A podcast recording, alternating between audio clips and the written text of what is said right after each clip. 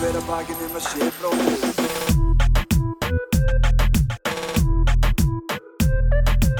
Fyrir hver að bakinn um að sé bróðir eigi.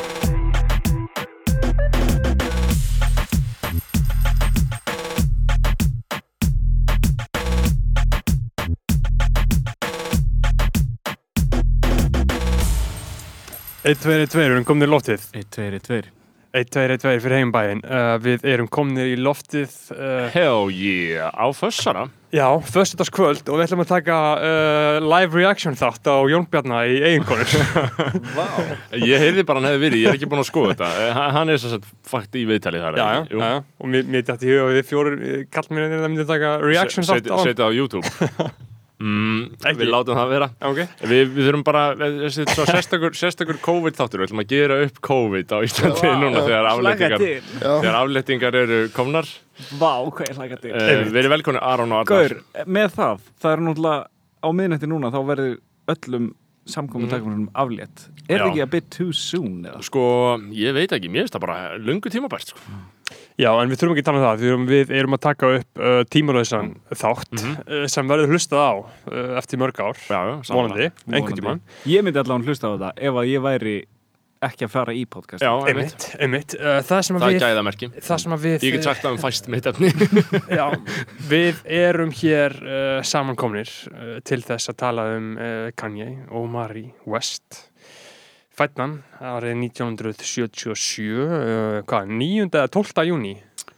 Ekki, Já. á, 8. ágúst eða? Nei, Nei, júní. hann átti ekki afmæli um afmæli daginn. bara fyrir tveimur. Júní, En sko, hann átti afmæli um daginn, samkvæmt, samkvæmt, þú veist, það er ekki til neina heimildir um, það er bara svona speculation það- hann á afmæli sko. Já, það, ég veit Það er, mér finnst það Er Við erum ekki með- Við erum ekki með neina kvittanir fyrir því Nei, það er bara ekki til, þú veist, þetta er eins og með Kim Jong, það er bara eitthvað 1985 Og og, það- 1986 og, það er heldur ekki alveg vita sko nokkra hvað hann fættist það er líka, það er deilt um það sko. Mér finnst það snill líka, hann er bara svona, já, hann fættist einhvers vegar Atlanta, já, kannski einhvers vegar fyrir utan Atlanta samt. hann, er, hann er svona herstöðabarn uh, frá Atlanta sko. Ok, segið frá því, menna, hver, hver er upprunnin? Bara svona upprunin blákalt. er, upprunin er sko uh, pappans heitir uh, Ray West og mammans Donda West. Uh, mammans var uh, háskólakennari mennskólakennari og varð síðan háskólakennari, pappans var svona braskari sko, þú veist, pappans var svona Vildi alltaf opna eitthvað business, sko. Já, Hann, var, hann var alltaf sko I don't know what he did for dope but he was sent me back to school with a new wardrobe skilur þau, Já. hann svona Já, náði Það kom allt í hennu peningur. Já, En hann var já. líka eitthvað smá að blanda sér í einhver svona pólitík, sko. Já, Já. Þau, þau voru bæði, þú veist, þau voru bæði svona Black Pantherar, sko, eins og hann segir, Já. sko, at the Ok, time, ró- voru ró- alvöru rótæklingar bara. uh, svona, svona uh, almennt, já, svona, Mm. veist, það er talið að hann hafa alist upp við svona mjög mikla meðvitund uh, um þessi mál, sko, Já, já. Og hann alltaf avans var það, sko, og fór með mömman, sko, eins og hann segir, at the ten tender age of six, he was arrested for the sit-ins, skilur þú veist, hann, mammans var í einhverju svona Rosa Parks mótmælum og Já. einhverju svoleiði shiti, sko, Hún er Það- ennsku kennari ekki, eða var? Jú, heitir jú, hún. jú hún, er, hún var ennskukennari í, í háskólanum sem að Kanye var Já, í sem hann droppaði síðan út úr sko. Já. En þarna, já, og pappans var svona braskari, hann var svona ljósmyndari frétta ljósmyndari og einhver svona hergur ég held að hann hafi verið ljósmyndari í hernum Það er mikið geðveikt, Pa- svo. Það Það var hljómar ógeðslega vel. Já, paldi ekki harta mikið braskari og búlsvitari Það er algjör draumur að vinna eitthvað svona þannig jobb sem, sem er basically fjölmiðla jobb en það er ekki í fjölmiðli þannig að það Já. er bara Já, líka bara að þú ert svona, Mm. þú ert ekki látin fara í herin. Nei, Já. Þú ert svona, Já. í Bara, þú ert, já. En þú En ekki þú getur sann sagt á að það og verið þú ert öruglega í já, búningi já. og þú ert alveg nettur og þú ert svona army man Já, en já, þannig að þú veist, hann var svona, bara einhver svona uh, braskari en samt svona svolítið góðu maður, sko. Þa, hann, hann er þarna, þau skilja þegar Kanye er sko þryggjára, þá skil, skilja þau byggu í Atlanta fyrstu þrjú árun, sko, og þá flyttir mamma, mammans og Kanye til Chicago og þá er Kanye alltaf bara hjá pappa sínum í Atlanta á sumrin, sem sagt. Já. ok, Og þannig síðan að hann svona- heldur alveg sambandi En Já, það flyttu líka til Kína. Já, þau flyttið í Kína þegar hann var tíu ára og þá svona svolítið byrjaði hann að missa touchið við pappa sinn sko. og hann hefur alltaf rosalega sko, svolítið svona grötsjað pappa sinn sko. þanga til núna Jesus, fyrra þa- þanga til Jesus King sko, þegar, hann fattaði my dad is my best friend. Þegar hann fór í það my dad is my best friend. Og þannig að pappans var með hann í myndbandinu þarna, Já. hann svona svolítið uh, svolítið endur uppgötaði pappa sinn sko, eftir að hafa svolítið hata hann uh, frekar, frekar lengi sko. hvernig ætlaði að sé að vera fokkin pappans skilur, hvernig ætlaði að sé að horfa á þetta gerast við badnið bara verða að mestu stórstjórnu heimsins, skilur Sko, ég held að hann hafi samt alltaf eitthvað svona verið að senda pening til hans Pappa síns Já. Já. Ég held, er, er, er Jú, það, jú, hann var eitthvað að svona, vera, sko. jú, hann var alltaf eitthvað svona supporta, eitthvað svona, Mhm. þú veist eitthvað, hann var með eitthvað lítið bakari eða þú veist, eitthvað skilur Já. þetta var hann ekki bara að eitthvað selja ykkur hárvörur eða eitthvað dæmi, skilur Jú, bara, úr Bara svoleiðis. skar hann er bara búin að vera I, eitthvað I don't know what he did for Já, sko. já.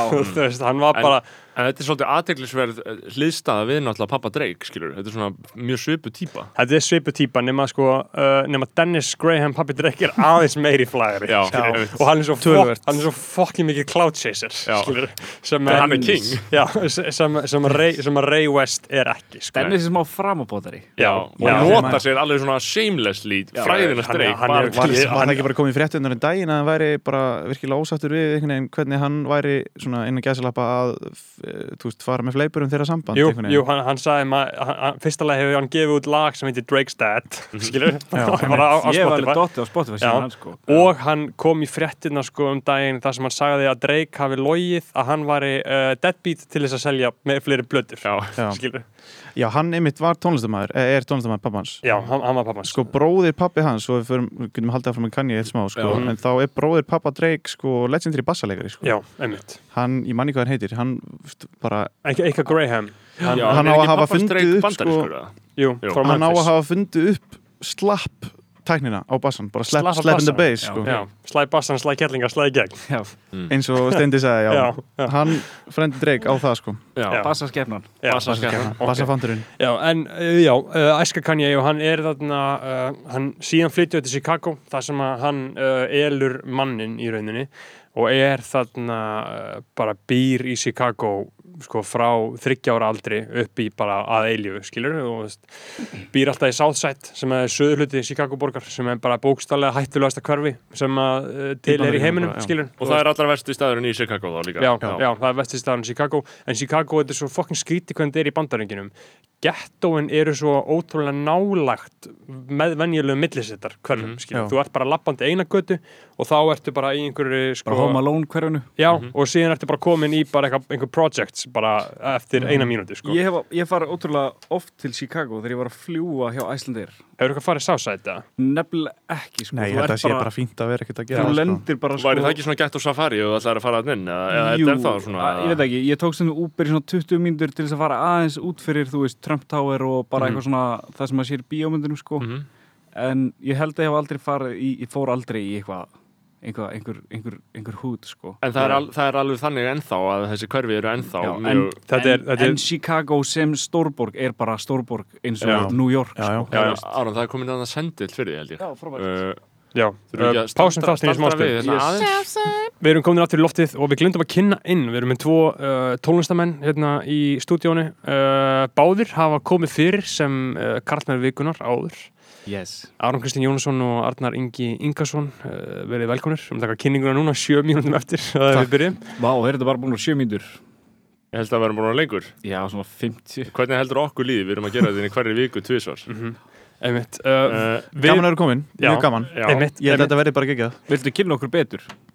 viljið þið kynna ykkur? Eh, eh, kannski ykkar Kyn- tengst kyn- við Kanye West? Ég meina, kyn- þú veist að kynni hvað það annan Hvað, svona, hvernig, hvernig hann hefur haft áhrif á ykkur í stuttumáli ég meina, þetta er Sko- hann er ekkert lítil stærð í ykkar lífi Nei, ég. alls ekki. Uh, sko, ég kynist Kanye fyrst þegar að, hérna, ég held að það bara verið 2008 nefnilega, sko, þegar að Graduation var að koma út, þá, hérna, að því að svona áður maður fór downloada skilur þá var maður bara að hlusta það sem að hérna, bróðum hans var að hlusta á sko mm. ég á tíu ára eldri bróður og, og hérna hann kynnti mig fyrir Kanye þegar að Graduation var að koma út þegar að hérna Homecoming og það dæmi var í gangi og ég held að fyrsta Kanye-læði sem ég heyrði hafi verið Big Brother Mhm. og það er eiginlega uppáhalds Kanye-læði mitt sko. Mm. Mhm. einhvern veginn bæði út af því að þetta er fyrsta læði sem ég heyrði og bara einhvern veginn svona, já, en það er magnað þá að þú hafi Svo er fíl- það líka stóri bróðin sem var að kynna þér Nákvæmlega. en, en það er magnað að þú hafi sko uh, fílað það svona mikið þá en ekki haft neina fórsöndu til að skilja samhengi lagsins. nákvæmlega Þú veistir ekkert hver Jay-Z var eða Jú, jú, jú, auðvitað, auðvitað hlusta maður á rap, skilur Já, en, en skilur samhengið millir þeirra og svona, Nei, svona, al- svona alls- ungu gaur. Já, þú alls ekki, sko. 12 ára Já. Já, En það, það er náttúrulega samt oft þannig að maður skinjar hlutina Mhm. bara og miskilur það alveg en maður Já. kann samt alveg að meta Ég þeirra fíla- listræna gildi sko. ég fílaði bara einhvern veginn soundin Já, og þú veist, flóið, e bara eitthvað, skilur Já. Það var bara eitthvað sem að bróðu þinn er 86 Já, jafnkvæmt eins og J.O. Já, einmitt Mhm. en þetta er eiginlega bara svona na- næstu í svipu tenging sko Já. en við, við erum sjöndabæk þegar að hérna graduation kemur út Hún kemur haustu 2007, já. já, þá Já. erum við sjöndabæk Mhm. Og ég var svo freaking rich alltaf sem, að, þú veist, ég var svo spoiled krakki. Mhm. að ég fekk hérna iPod mini í jólagjöf einhvern tímann annarkvort sko þessi jól þá eftir að platan kom út. Og ég var með tvær plötur, ég var með hæstu hendina inni Mhm. og graduation. Þetta var eina, eða, veist, einu tvær plötur sem ég hlusta á. Mhm. í skólanum sko. Og þar var lagið Good Life með T-Pain. Já, ég var eftir því og það einhvern veginn, þú veist það var svona fyrstu kynninu var bara að heyra Good Life og síðan var sko ótrúlega þess að sagt held ég að Stronger hafi verið í spilun á FM 957 sko, það ég man eftir að hafa heyrt það bara í bíl og verið bara, oh my god, hvað er þetta? já, það var Pop TV dæmi sko Já, er það ekki? Jú. Stronger var alveg spilað í Já. útvarpi og pop TV og maður var bara svona, shit, ok, þetta er eitthvað sem ég hérna fíla og þú veist, gaur, þarna var maður valla með bara tölvu, þú veist, maður kunni ekki þetta tölvu að neitt, sko. En ég meina svona samengi minnir mann líka á það sko, hversu raunverulega langt aftur þetta nær sko. Já. hversu langt aftur það er sem hann er orðin bara algjörlega mainstream í Ég- raun og veru skilur. bara meiri hluturinn af æfum minni hef ég verið bara Já, þú veist að við vorum bara börn ég meina því ég man bara einmitt eftir Stronger þú veist það, það var í hvað í 5. eða 7. bekk í grunnskóla skilur Mhm. Er það ekki? Ég meina hvernig kemur Stronger út? 2007, sum, sumar 2007 og Já. fyr, Já. Fyrsti singull jú, fyrsta singull af Graduation og fyrsta tónlistaminningi mín er Stronger í Einmitt. Runo Meganos J.O. emmi. Eftir Já. einhvern fótboltaleik Við vorum að kera ógislega og rætt. við vorum að keira ókslara J.O. lit mann alltaf vera því ég held að hann- svo hratt og beigði svo mikið þetta var svartu Runo Megan Vafpía 367 Já. og hann, ég man, hann spilaði Stronger Ég var Er það ekki? Hann spilaði? Já, það? hann spilaði, þetta svona nýja græður Öruglega með nýja iPodin. Já, sem hann ekki verið bara að brenna gísladiska með Öruglega líka. Gæti verið, Menn voru ekki að auksa þarna sko nei. ég man enginn að ekki, auksa ég man bara ég hef aldrei heyrt neitt á æfinni eins og Stronger. Nei, það var þannig. sko. Þetta var, Maður þetta er er svo lag úr framtíðinni sko þetta er bara eitthvað svona fullkomlega þraulað dæmi. Og þetta er náttúrulega líka væpið, hann stelur náttúrulega því væpið náttúrulega bara mjög mikið frá Daft Punk skilur, eða þú veist, það Nei, væp Þetta er, Mhm. þetta er sampl af Hardy Better Faster Stronger Já. og þú Mhm. veist, það er náttúrulega þú veist, þeirra dæmi var alltaf eitthvað svona framtíðar Já. dæmi, Daft Punk að vera með þetta robotíska sound alltaf og hérna og þú veist, þetta lag, Stronger það er einhvern veginn svona fullkomlega capturar eitthvað eitthvað vision sem að hafa með á þessum tíma Já. og bara vídeoið líka með Já. allir þessum svona hérna japansku svona Já, inspired Hype Williams Hype Williams sko. visualum Já. skilur þetta bara svona einhvern veginn þetta var bara movement, skilur, þetta var, Já, þetta já. var bara ótrúlegt moment í Ég tónlistasögunni, var fannst mér líka allavega. bara svona looking back, sko staðrendin að sko bæði ég og Beggi munum báðir eftir þessari bílferð Já. Munum ekki beint hvert þú múin fara en var- man, var- man, við stoppuðum bílinn sko Þetta var eftir bara- fótboltaleik í breiðabl, á breiðabliksvöllunum Já, ok, já. þetta var upp í Þú man getur mörgulega fundið sko leikskíslun og allt en bara, þetta var bara þetta var bara svona moment það sem var bara svona wow, ok. Já. Og ég er alveg vissum að ef, ef maður hefði verið þú veist, 16 eða eitthvað og verið með 12 og eitthvað þá hefði maður bara farið beint heim og bara sótt katalógin og bara hlusta Já. á þetta bara á repeat. En maður var bara eitthvað, Það var vá, alltaf ok, mystískt ég kann ekki neitt.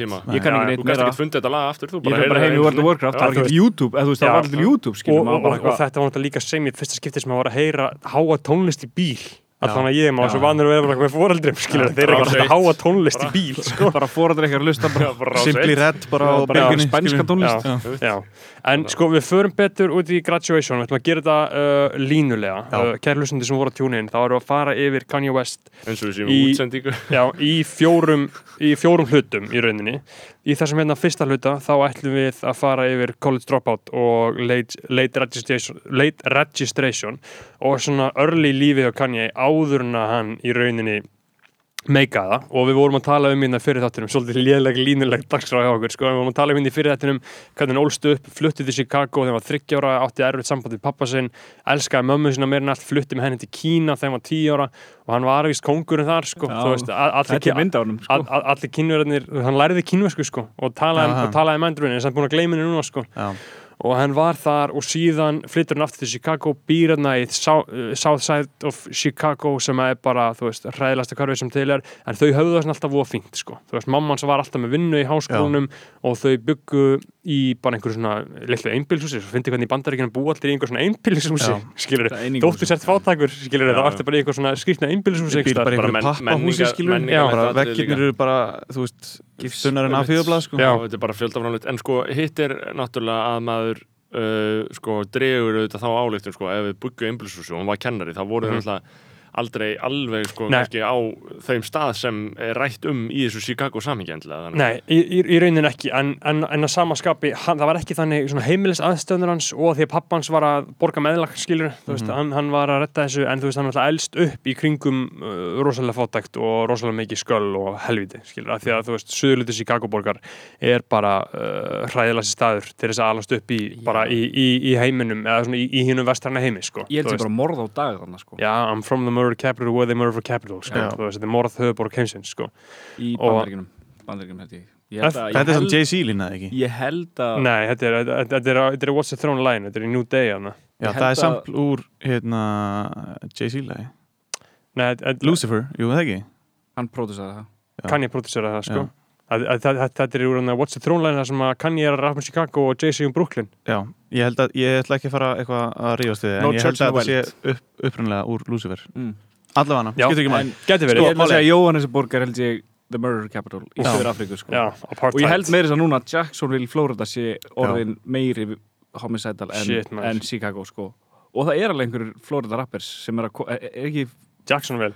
Fulio og þessir gaurar, þeir eru ekki frá Jacksonville? Sko, náttúrulega, allir, allt þetta sitt frá Florida Kod- Kodak Black og, og hérna, X og þeir Já. allir frá Broward Country og ég held að það sé hérna rétt hjá Jacksonville sko, og bara Denzel Curry og Lil Pump og Smoke Purp og all, allt þetta nýja rap kemur allt frá Florida sko. Já, það er svo sjúkt sko. Það er eitthvað skrítið í er- þar sko. En sko máli, ég hlusta mikið á fílalag sko. Og þeir svona áðurinnir byrja bara svona kafa í lægið sko Mhm. þú veist þá hérna fara er bara svolítið í einhvern veginn eh, feelingin og bara svona hvað eru að fara að taka fyrir hérna skilur Mhm.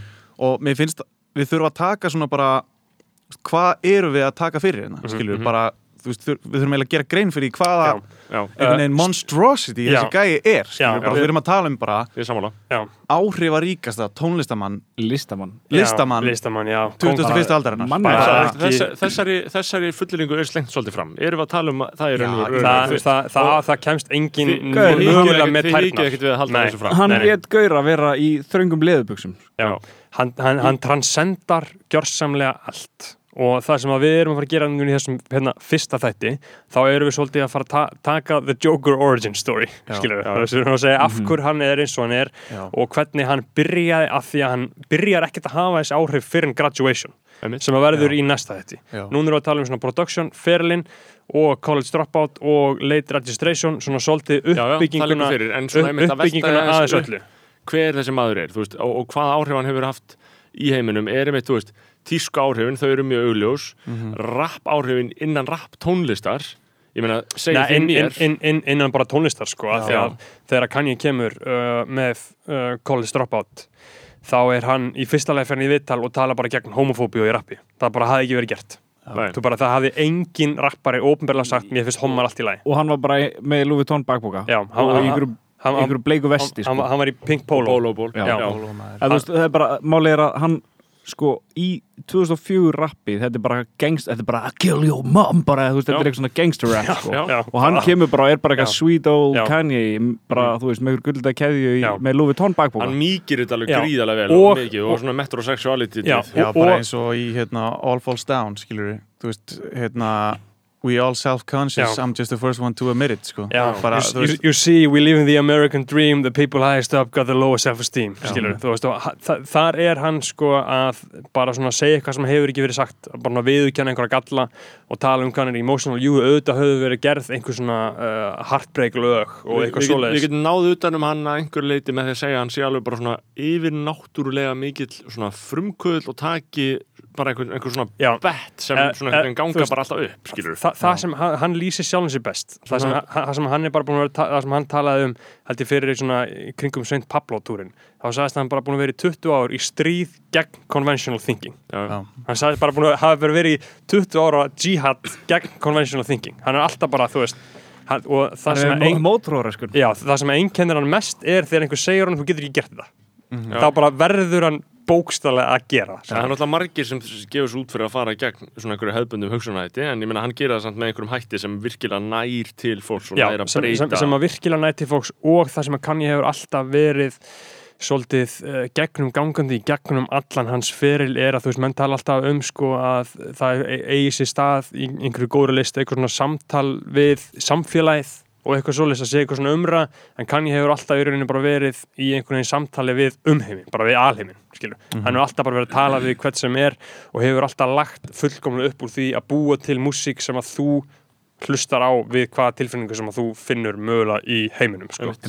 Og á lag fyrir hvert einasta sér sem þú ert að koma í gegnum. Þetta er svolítið Bara Þetta er að því bara- leiti sérstætt Já, bara þú veist, bara, bara elskar um mömmuðina, var ammaðin að deyja, ertu emo, ertu langaði til að peppa þig upp, þú veist, kann ég með í rauninni lag fyrir þetta allt?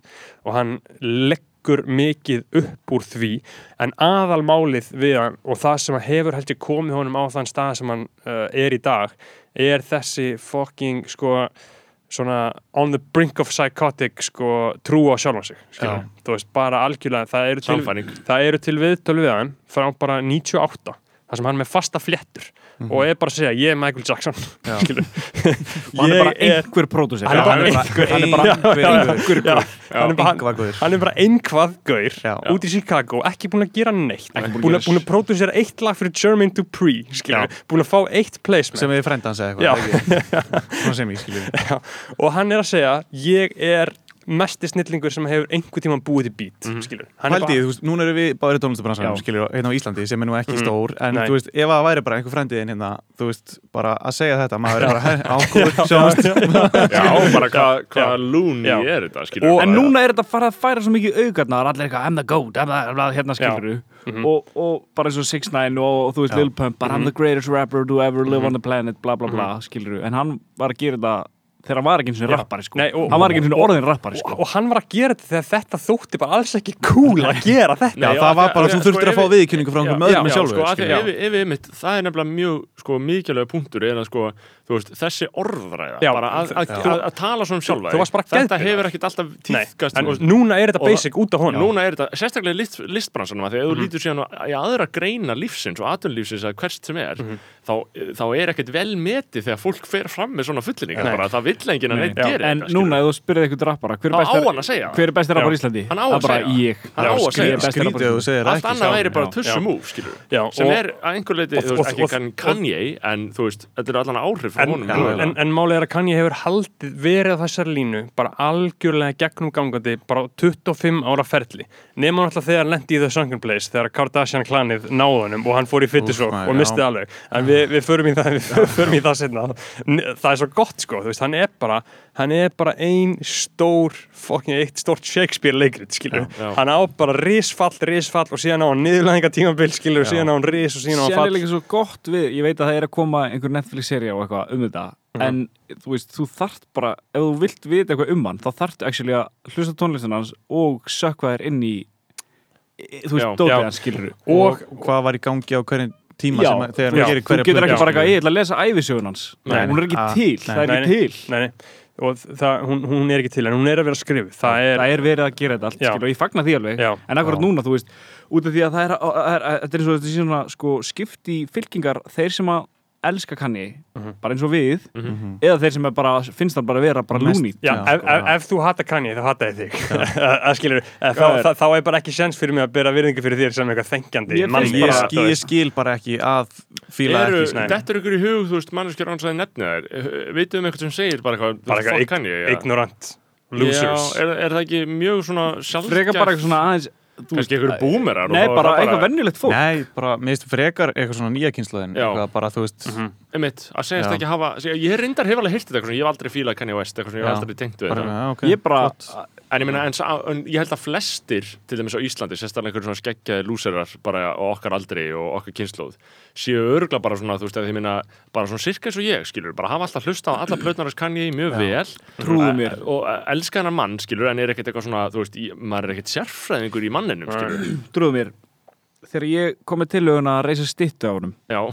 mér að já, þegar maður fara hans yfir það það voru uh, ábyggilega yfir þúsund manns sem að voru bara þú veist, já, á, al, algjörlega á móti því, ekki bara auðvitað á maður ekkert að reysa stitt á hverjum mér skilur en Var þér 100% alvara með það? Er mér, að mér er spyrja. 100% alveg og Já, ég veit að ég- ég- þessi ég- stitta mun rísa. Já, Já. þessi stitta mun rísa. Og ég hef meira þess að heimildi fyrir því að sé verið að gera eitthvað í því. Vonandi, ég ve, uh, vonandi. Er, er verið að gera eitthvað í því? Ég hef heyrt eitthvað líka. En gaur, fólk sérstaklega eins og þegar Jakob Fríman deildi uh, hérna rúffréttinni sem var gerð. Já, og sagði bara, þetta er súrealísk snild bara, þetta er bara væri snild að gera þetta, þá voru bara hundra komment bara. já, og þetta var, ekki, þetta var ekki beint target á mig eða þú veist, hugmyndina per se, þetta var bara target á Kanni, bara hvað hann Mhm. væri mikil aumingi og út af, þú veist, gaur, það situr bara í fólki bara 2005 þegar hann segir George Bush hates black people. Og þegar Já, hann lappar inn á hérna Taylor Swift skiluru og bara allt, allt hann þetta bara, hann er bara too real. Hann All- elskar- a- öll, ok. allar kontroversiunar hans hafa verið núna í hindsight, já, rétt hjá honum Já. skilur, Eh, núna, eftir á, já, bara, 100% vá, hann var bara undan sínum tíma. Hann er bara alltaf á undan sínum tíma Það er náttúrulega epís þetta einslag hérna. Var þetta ekki Hurricane Katrina Jú, jú, sko, hérna, við- Hann við- og Mike, jú, Mike við- Myers Jú, við förum betur í þetta, Já, það, ok. það er, það er þetta er í sögunni Já, Já. uh, En já, við Sorry, byrjað- erum við við að hérna, við við erum, að fikra okkur já, ég eftir- reyna þeir eru að gefa mér orðið sko. þetta er bara svo skemmtilegt Já. er bara, ó, já, já, erum við ekki að fara að taka graduation eða? Jú, við erum ok, að gera flott, það ok, í, næsta þætti sem við í næsta tökum upp þætti. núna Já, já, eftir. já, ég skil, ok, flott, flott, flott við hérna. Við erum á sömu gert það Það sem aðalmáli í honum er eins og við talum á hann Hann var bara gaur með flettur Einhvað gaur út í Chicago Með bara fasta flettur og segja ég er Michael Jackson Og hann er búin að halda því algjörlega gegnum gangu því Og það sem hann sagði Númer eitt sem ég held að ástæðan Af hverju allir gaurar elska hann svona fokki mikið Að því hann segir If you are Kanye West fan, you are fan yourself Skilur. Þú veist, það, Já. og, og það, það er klísja, skilur en það er samt svo, veist, það er það sem Ef hann við gerir förum líka bara svona í, þú veist, bara einhvern veginn alveg í grunninn, sko, þá er hann alltaf bara, þú veist, þú finnur einhvern veginn ekki meiri alfa típu, sko. Nei, Þú veist, þannig að það er bara svona, ef þú ert beta, skilur, þá Mhm. er bara mjög auðvelt að, hérna, líta, bara beta eins og, eins og ég, skilur, þá bara er mjög auðvelt að líta upp til hans, Já. sko. Já, og bara reyna að sækja í hans brunn, skilur, Já. og fá, þetta Já, er svona maður. svo ákveð Já. spiritanima, Já. skilur, þú veist, að Já. segja svona yfirgengina hluti, þetta er svona, hann segir hluti sem líka alla dreymir um að segja. Já. að einhverju leiti er, þú veist, eru fólk eins og til dæmis ég og Arnar, þetta er að einhverju, einhverju leiti er hann svona köll lítir, sko. Já. veist, þetta er bara eins og einhver, Já. sértrúar söfnuður, sko. Já, það, það er 100% er það og út af því að hann hefur alltaf verið svo viðurstyggilega konsistent kalla sig, gæinn hefur kallað sig Jésu frá 2006. Já, já, Gæinn hefur kallað, hann hefur búin kallað sig Jésu í 15 ár. Já. og hann hefur gert mörg glöð sem hann segist vera guð. já, Þú veist, I am a god. já, bara, þú veist, mhm, au- einmitt. auðvitað er maður bara, guður, þessi gæi er bara genie, hann, En, já, við- já, ætlum að fara, sko, síðan er hann í Chicago hann kemur hérna frá Kína og á bara venjuleg úlingsár byrjar að rappa þegar hann er sjö ára er alltaf að teikna, er alltaf að mála, er alltaf að semja ljóð fer í eitthvað svona uh, art college en byrjar síðan þegar hann er svona 16-17 ára að verða bara fullkomlega obsessed af því að gera beats og að rappa og gera tónlist. Við erum að tala um bara á eitthvað two- A-track eh, einhverja Já, bara einhverja heil. floppy bara já, eitthvað, já, já. Og þú veist, en hann veit í rauninni ekkert hvað hann er að gera sko. hann verður ekkert góður sko. og, og það er í rauninni ekki fyrir en hann kynnist uh, No ID sem að uh, mammans uh, kynnir hann fyrir að því að mammans, Donda West uh, var besta vinkona mömmu No ID og No ID á þessum tíma þetta er svona 96, 95 þá er hann búinn að pródúsera heila plötu fyrir Common sem Já. er líka frá Chicago og er búinn að vera að pródúsera svona út um allt bara hérðan og þaðan og var bara mjög establishaður, hann er svona talað vera svona godfæðir af Chicago rappi. Og hann færði sig Já. síðan yfir til New York og gerði til dæmis núna síkastuð, nei, núna nýlegast og gerði hann 444 fulla með Já. var að pródúsera ógislega mikið með því, Hann, hann, er, hann er að gera hérna, veit hvað snóa leggra er já, já, hann er að gera það stöf núna já, sko. einmitt, þú veist, þetta er bara svona algjört legend hann er bara Og- mentorinn hans Já, Kanye. Já, og þú veist, og mamma, mam, mömmur þeirra voru vinkonur og kann ég nær að finna númerið hans Mhm. og byrja bara að pesta hann. Já. bara eins og kann ég myndi gera Já, hann, hann er bara gaur sem, þarna var hann bara gaur með fléttur. Hann var örugglega ekki sinni með fléttur, hann, sko. hann var bara að mæta endalust heim til hans og bara bögga hann og bara reyna að læra og læra og læra og læra og þú veist, þetta er allt mömmu hans að þakka eins og hann segir, sko, then I then she met no ID and gave me his number 10 years later she's driving a Hummer og þarna hann heldur bara því áfram, áfram, áfram þangar til að verða góður.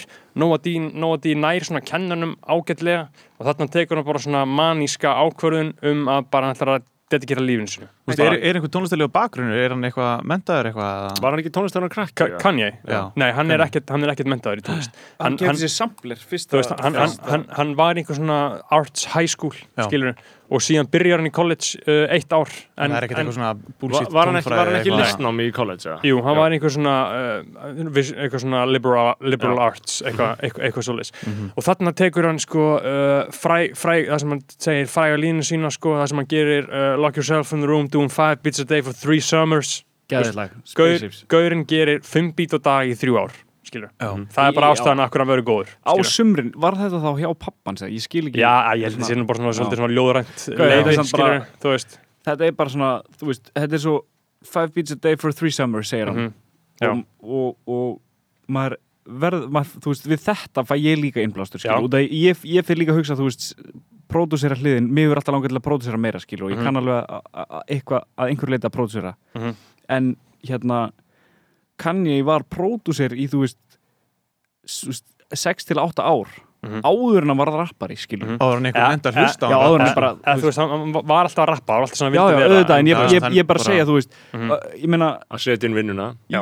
Þú veist, ég ég bara, ég bara spá eins og, þú veist, á þessum tímpúndi núna, í s- þú veist, Sturla Atlas var að koma fyrir sex árum, skilur. Hann var bara búin að vera einhver gaur Já, í já. átta ár, skilur. Einmitt, það er alltaf mig Klöptöp er bara búin til í þrjú ár, Já, skilur. bro, Jay-Z gáði pl fyrstu plötuna síðan hann var 26 ára Já, sko. Já. og hann var samt, líka já, þeir voru samt, Kanye líka já, þeir voru samt búin að vera bara Það er eitthvað svo að vinna við fucking tónlist í ungt tíu ár. Já, Gamalt með það sem er að Ég gerast veit, Já, núna, maður. þú veist, það, þeir voru samt búin að, þú veist, vera Samt veist einhver, ekki neitt. eitthvað að reyna Já. í, í, í bransanum í, Two- þú veist, Two 8 Chain- til 10 ár. Two Chains gáði fyrstu plötuna síðan hann var 37 ára Boy. Var, Já, Sam, Sam Two Chains já, skilur. sem Two Chains, Já, já. bara orðin 37 ára En já, hann hann Þannig að ég á ennþá séns Nei, samt að, veist, það, það líka veitum Já. svo mikið innblástur, veist, að, að hugsa til þess að, veist, ef, ef að maður vill og er konsistent í þessum bransa, skilur Mhm. Að þá er hægt að læra allt og það er hægt að gera allt. Já. Út, þú veist, sama bara eins og og með Rick Ross í Rick Ross bókina, hann bara var Já. búin að vinna í áratug sem eitthvað ghostwriter, mm Mhm. þá getur hann gerði Port of Miami. Hann búin að vera í áratug að gera tónlist, Einmitt. þá getur hann fekk the big break, sko. Hérna er þetta bara, klöptuð bara, við gáum út og viku setna voru bara orðnir með vinsælsala á. Einmitt. Þetta er svo fast eitthvað, Já. þú veist. Mhm. Þetta er, þetta er mjög slæmt umhverju Já. Þannig séð. Þe- þe- Þetta er það sko En uh, Kanye er sem hann byrjar í, byrjar í háskóla sem að mammans er uh, professor í Já. uh, hættir eftir eitt ár og ákveður bara að fucking fara all in í músíkina uh, og Þetta er 2000, eitthvað svo leiðis Nei, 2001. þe- þe- Nei, Þetta er 96. þetta er svona 98 Já, ok, ok, Þetta- fyrir ekki, sorry Þetta er Já. svona 98 það sem hann ákveður að hætti í skóla og fara til New York og þar þanga fyrir hann hann fyrir til New York, byrja bara að fucking trappið út, uh, Mhm. leiði sér íbú í New Jersey piece of shit bæði Oj, sko Við vorum þarna Já, saman. Og þarna, er alltaf að keira fram og tilbaka og þarna, er endalist bara að reyna að koma sér inn uh, gera fullt af bítum, gera eitthvað shit fyrir German to Bree, gera eitthvað fyrir Foxy Brown gera eitthvað fyrir Ludacris, fær svona placements hér og þar og er allt í einu svona smá establisheraður og Já. í þessum heimi þarna, þá er þetta bara svolítið þannig að þú færð session, skilur Já, og þú, þú bara sem producer, þú var bara að sanna þig. Bara já, spilaði góð bít eða bara get the fuck out of here don't eru waste my time já, sko. þú veist, það, það eru 500 gauðra sem myndi vilja vera hérna. Nei, 500.000 Já, sko. 500.000 Bara- og ef að þú ert ekki að fara að koma með hittan þá bara drulla þér út. Kallaði hann sig alltaf Kanye í West bara í Já, hann hefur alltaf bara verið Marlo Stanfield my name is my name sko. Bara Kanye West. Og, þarna, og, og hann hefur alltaf talað um það ég hlakka svo fokkið mikið til þannig til að ég get bara nota fyrsta nafnum mitt. Já. þannig að allir það ekki með þessu fyrsta nafnum mitt Já. sem Hann- allir gera. Já, þetta var hann að segja. Það var bara einhvað gaur.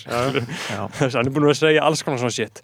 En þarna, hann, og síðan næri hann að koma sér þarna, þetta er sko 99, uh, 2000 New York. Og Jay-Z er bara stærsti rappari í heiminum og hann er rosalega í rosalegri uppbyggingu með label sitt Rockefeller þarna, þú veist þarna eru gaurin eins og Freeway, Beanie Siegel Memphis Bleak. Cameron.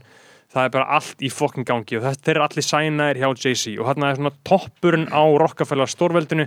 Þar eru gaurar, uh, þú veist, Damon Dash er ennþá Já. með Jay-Z þarna. Yes. Og Dame Dash er svolítið svona aðal gaurinn í svona á já, er svona aðal gaurinn í ferlinum hans Kanye hvað var það á svona komunum einhvern veginn á korti. Fyrst þetta að gefa hann smá sjans. Já. Dame Dash er svona gaurinn sem heyri bítina og svona, hm, ok, gæti verið eitthvað, notum hennan gaur. Hvað heiti gaurinn sem kallar sig hip-hop? Kiambo Hip Hop Joshua. Kiambo hip-hop Já. og hann verður svona svona semi-managernas Kanye hann, á, á þessum tíma. Er hann einhver svona A&R hjá Rockefeller, Já, já. það, sko, Rockefeller er Jay-Z, uh, Kiambo, Hip Hop, Joshua og Big Spurk og Dame Dash þeir eru svona í rauninni fjóru gaurarnir sem að uh, eru í rauninni að renna þetta og síðan er allir rappariðina Var þetta eitthvað dóttufyrirtæki Def Jam? Eða? uh, er þetta eitthvað tengt? Er ég bara ruggla? já, já, þetta er það Þetta er tengt, allt já. kann ég er alltaf gefið út sko, Rockefeller og Def Jam Já, af því að þú veist, Sem er Rick Rubin já, já, fyrirtækið já, Rick Rubin og, og aðna, Russell, aðna, West, nei, Russell Russell, eitthvað maður, hvað er. Russell Simmons Russell Nei, Simmons, já En býtu, hann fór einhvern veginn í bífi við Def Jam Def Jam, sagði ég Kanye, já. Jú, Hann er alltaf eitthvað bífað hann er alltaf Já, bífað já, Def Jam Já, ég ætla að lappa inn að Já. byggðum 100 Já. miljónir dólar Já, eitthvað, annars já. gef ég Já. ekki út I step, step, Def Jam building like I'm the shit give me 20 million or I'm a quit Já, einmitt. en þarna, uh, já þeir stutt saga með, með Rockefeller, veist, Jay-Z er að fá díl er ekki sæna á neinstæðar, Def Mhm. Jam vill ekki sæna hann, þannig að hann ákveð bara búa til sitt eigið, gefur út fyrstu plötuna sína og síðan skrifar hann undir díl fyrir plötu fyrirtæki sitt hjá Def Jam þannig að hann er já. ekki sænaður hjá Def Jam heldur hann sænaður hjá Rockefeller sem er, sem er með samstarf við Def Jam. Já, og kann ég í rauninni fær að hann er ekki, kem, kemst ekki inn í það strax.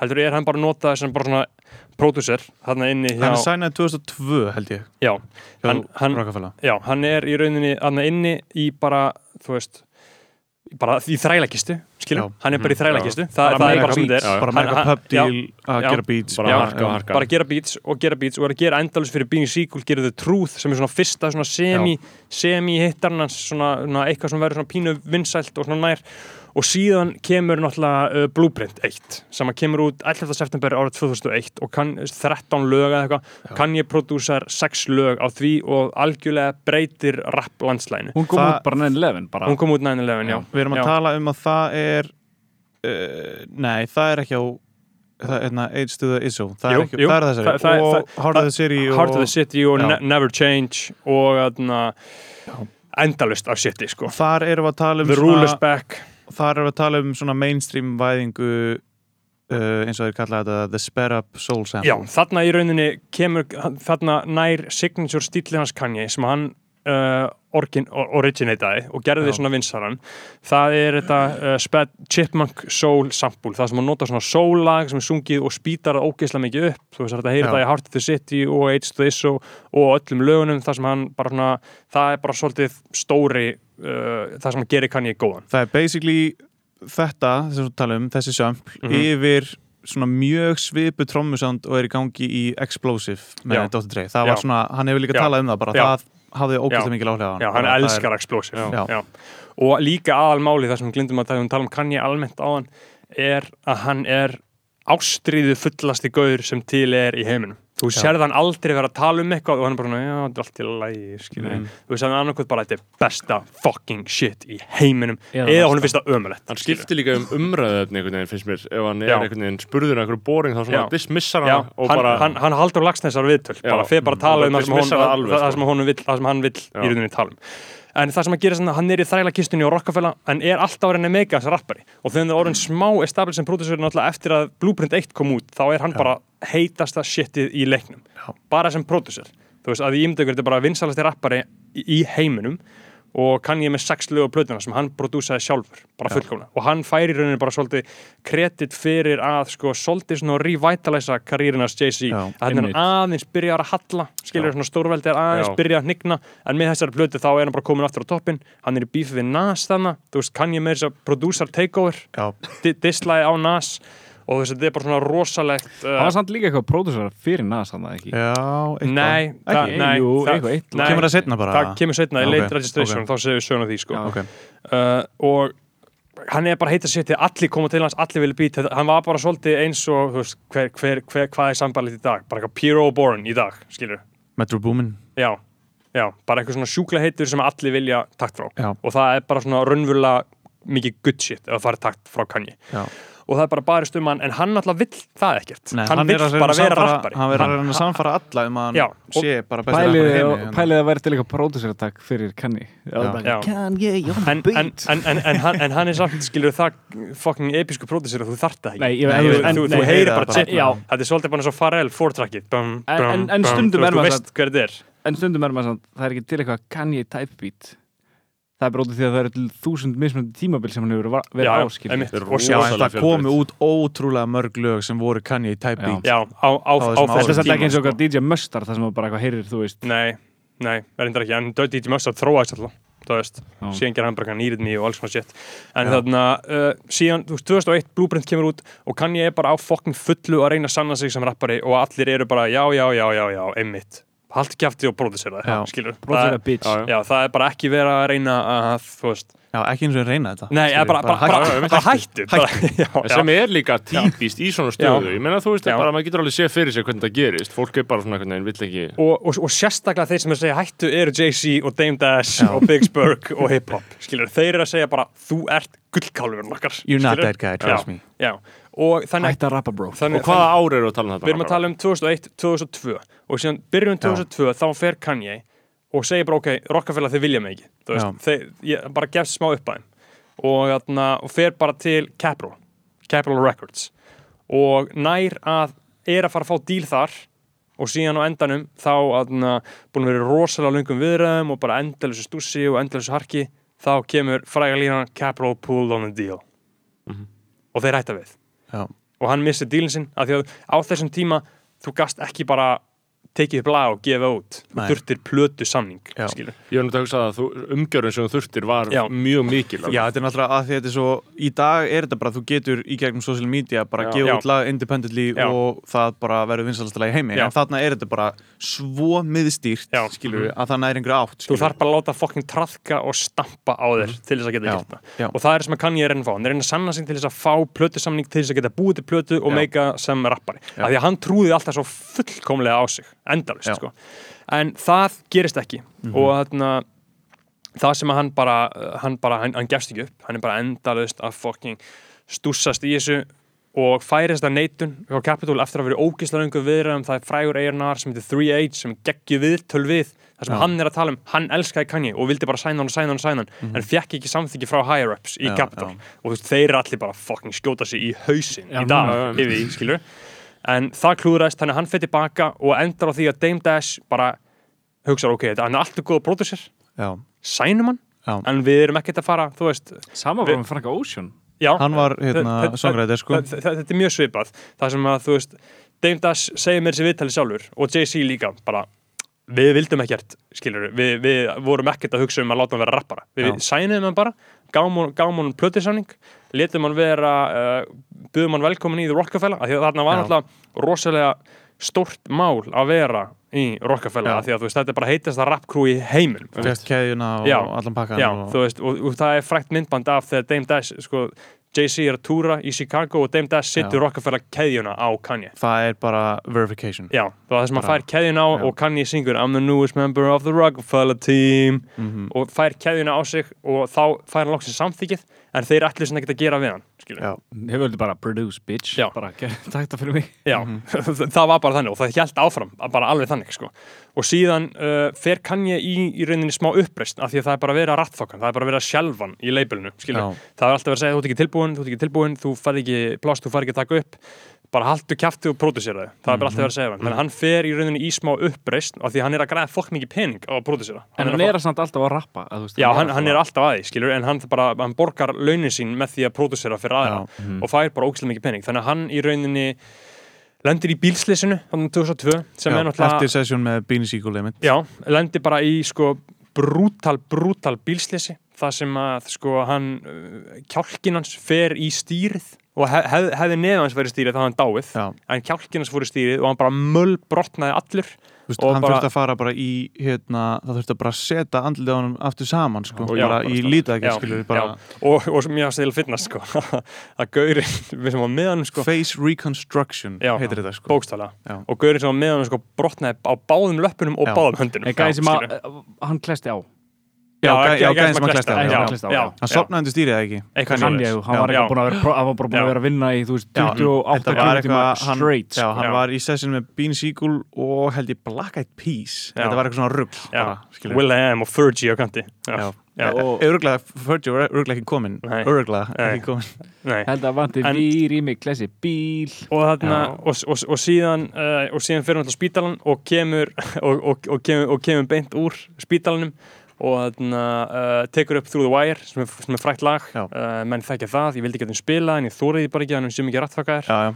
en þarna, Hann, hann, hérna, Trúðu mér, hann, Talandi um- er, hann myndi láta taka þetta út talað um labelin sko, labelin þau eru óvinnur okkar vegna sko. fucking hann tók þetta lag upp uh, tveim vikum eftir bílslýsi Já. í Record, Record Plant Studios að hann, hann var búinn að semja textan þreim dögum eftir slýsi Mhm. einmitt, hann fór bara beint og í að- rappaði það fyrir. Mhm. eitthvað hip-hop eða hérna, frændaðinn hann, hvað heitir hann? Dame Dash. Dame Dash, já, Já.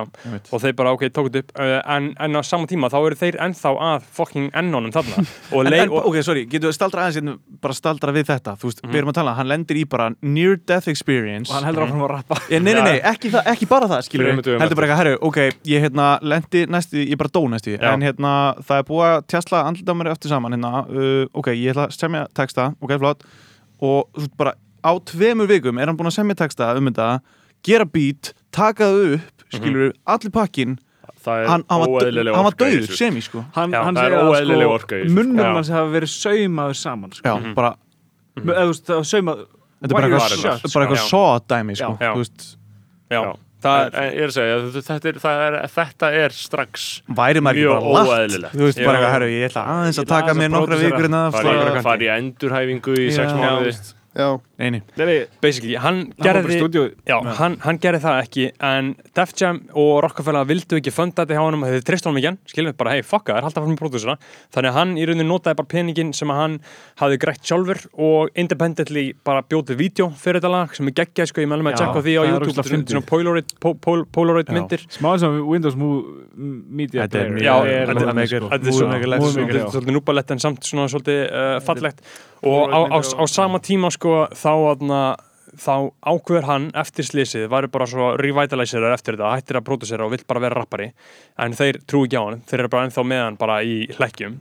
Þá aðna self-fundar hann þetta vídeo og gefur út mixtape sem heitir Get Well Soon með bara mörgum af uh, lögum sem að fara síðan á College Dropout. Já, bara self-fundar það svolítið og gefa út mixtape þarna. Því þetta er basically að þú bara prent, tókst lög, brendiðu disk sjálfur og fór síðan að selja út á götu og kannski eitthvað á netinu en það notaði eiginlega enginn netið Nei. 2002 Þarna, var það 2002. einu Er þetta fyrir freshman adjustment eða? Já, freshman adjustment var meira svona uh, einhvern veginn svona lekar, Já, ekki einmitt, alveg officially sett af honum Svolítið sko. miðstýrt það var eiginlega eins og hann hafi- lekið því sko eiginlega viljandi sko Já. út að hann held bara áfram síðan að vinna í öllum lögunum bara, þetta Af því að All Falls Down er þar sko Já, en það heitir self-conscious Já, þar. self-conscious, já, Já. einmitt og síðan er önnu lög eins og sem að skutt vídeo eins og Good, the Bad, the Ugly og, og Lime einmitt. ODB er, er þar inni en þú veist, það sem hann gerir þarna er að hann gerir þetta sjálfur og fundar þetta allt sjálfur og kerir þetta allt áfram og Dame Dash segir bara, já ok, ég meina þetta er það sem að ég hef gert, skilur ég hef gert þetta líka, hef verið í fangilsi þannig ég respekta þetta og hann bara, ok, gaf hann loksins jans og hann fekk budget til þess að taka upp uh, College Dropout.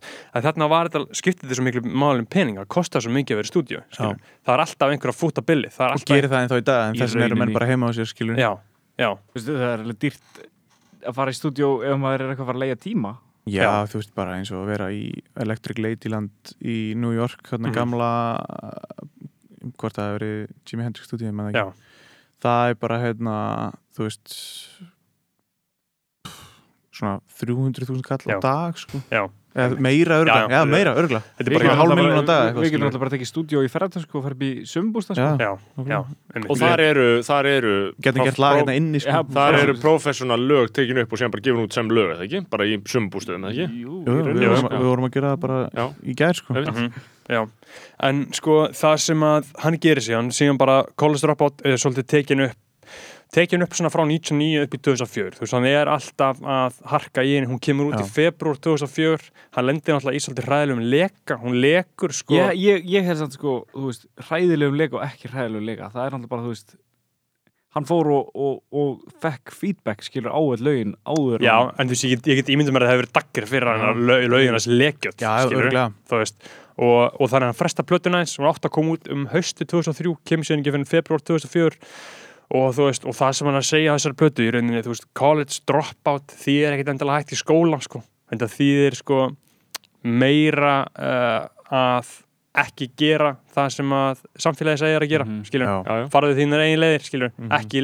ekki láta molda þig í eitthvað kjaftaði eins og hann sagði sjálfur hann er búin að vera í stríði gegn conventional thought í 20 ár skilur Ja, þetta er náttúrulega svo, svona framsæk eða svona örgulega þessum tíma ég meina þú hugsaður um bara 2004 Corporate America Já. Þú veist þetta er svona rosalega þetta er að einhver leiti Já. svona einhver grundvallar ansbyrna gegn bandarinska drömnum Þa, skilur þa, þa, þetta, er, þetta er eins og hann segir sko, we live in the American dream, the people highest up got the low self-esteem og skilurðu. þetta er líka einmitt eins og þú segir, þú veist, hann er svona endur eignar sér það að vera college dropout, hann er Já, svona nota já. sér til framdráttar Já, og þú veist, þetta er eins og það skilur og þú veist, þetta snýst líka um þú getur séð þetta og þetta getur mótiveraði, í að klára háskóla sko. Þú Já, veist, en- hver og einn bara túlkar þetta eftir því hvað hann er að einhvern veginn reyna að gera sko. og, það, og það sem þetta gerist sko, uh, að þetta kemur út þegar að, eins og við talum á að bara- þetta er bara gangstarapp er bara, veist, 50 cent er að píka hana skilur, þetta er bara allt er hann er bara og skotin bara- sjösunum og Já. það af og það er bara nettast að shit í Já, heiminum sko. og bara G-Unit er bara svona algjörlega að píka og rap þarna var rosalega materialist og rosalega mikið bara tala um hvað þú ert flottur og hvað þú ætlar að drepa alla Já, það var- þetta var svo óörugt Já. þetta var svo en mikið bara þetta skiptist í rauninni í svona svolítið tvær fylkingar og síðan voru svona conscious rapparar eins og Mos Def og Talib Kweli sem báðir eru á plötunni og þeir voru þá settir í rosalega mikið box fyrir að vera eitthvað að rappa í rauninni um samfélagi Já. og sem að kann ég segja sjálfur var að hann var að reyna að vera millivöður millir Jay-Z og 50 Cent og Mos Def og Talib Kweli. En síðan svo fyndið þú veist að, að Snoop Dogg, Dr. Dre, Ice Cube, Eminem voru alveg ennþá hot þarna. Já, minn Eminem var með 50, skilur Já, fyr, það, það, bara, eins og bara Up in Smoke Tour skilur og það Já. gengi, Já, veist, það gangster rap var alveg Það er 2001 eða? 2000, það var 2001 sko, en ég meina hann er bara eitthvað að gera þetta Já, 2002 99, skilurðu. 2000 jafnvel, sko Já, hann er bara að gera þetta dót 2002 þú veist, og út af því að ef maður, ef maður svona markar einhver í einhver Mhm. svona rap-sögu þá er svona, hugsa maður bara um G-Funk og eitthvað Snoop Dogg og hérna þessa gauðra, Mhm. mér finnst það sem miklu lengra frá því en þegar að Through the Wire kemur út, eða þú veist, þegar hann gerir það. Já, já, ég Já. meina, þú veist svo það- það- ótrúlega það- ólíkt, Það það er sko. náttúrulega mjög abstrakt eins og ég var á príkinu um daginn og Rack City var spilað Já. Mhm. og, Það ég, og ég, ég, ég hugsaði bara, ok, byrju, fyrir bara 0-3 mótilinu veitna, þá er þetta 90s lag fyrir þeim Já. eins og fyrir mér, 90s lögur Var ég ekki spilt það? Jú, ég held það, já og hvernig ætlaði að hafa tekið í það? Örgulega bara vel er sko, bara bat, batnan í einhverjum tæka Já. Þetta er bara svona eins og einmitt þegar ég var þetta sama Er það með kvöld OnlyFans? Er hann? hann er bara með já. til að núti sko Já. Hann er svo ít king Allavega hana Ég, bara, hann ég var að spila hérna, var beðin um að spila Black and Yellow með Wiz Khalifa þetta kvöld sko Epist og Varstu ég ekki get, alveg við því? Varstu ekki alveg við því? Gerðu það ekki? eða? ég gerði það sko, að sjálfsögðu Ella uh, hérna, lag hérna, en einmitt, maður svona hugsar þú veist að þetta sé svona svipað úst, að því að maður náttúrulega ég upplifi það tímabil, skilur að þetta er rúglega svipað og þegar ég var að byrja DJ og það var einhver að byrja um að spila eitthvað eldgamalt stöf bara Lil John og eitthvað Teriyaki Boys og og maður var bara eitthvað eitthvað nei, nei, nei, nei, Já, nei, já, bara- já, já. En þetta er náttúrulega ástæðan fyrir að við fáum Black Yellow kom bara út 2012 eða eitthvað.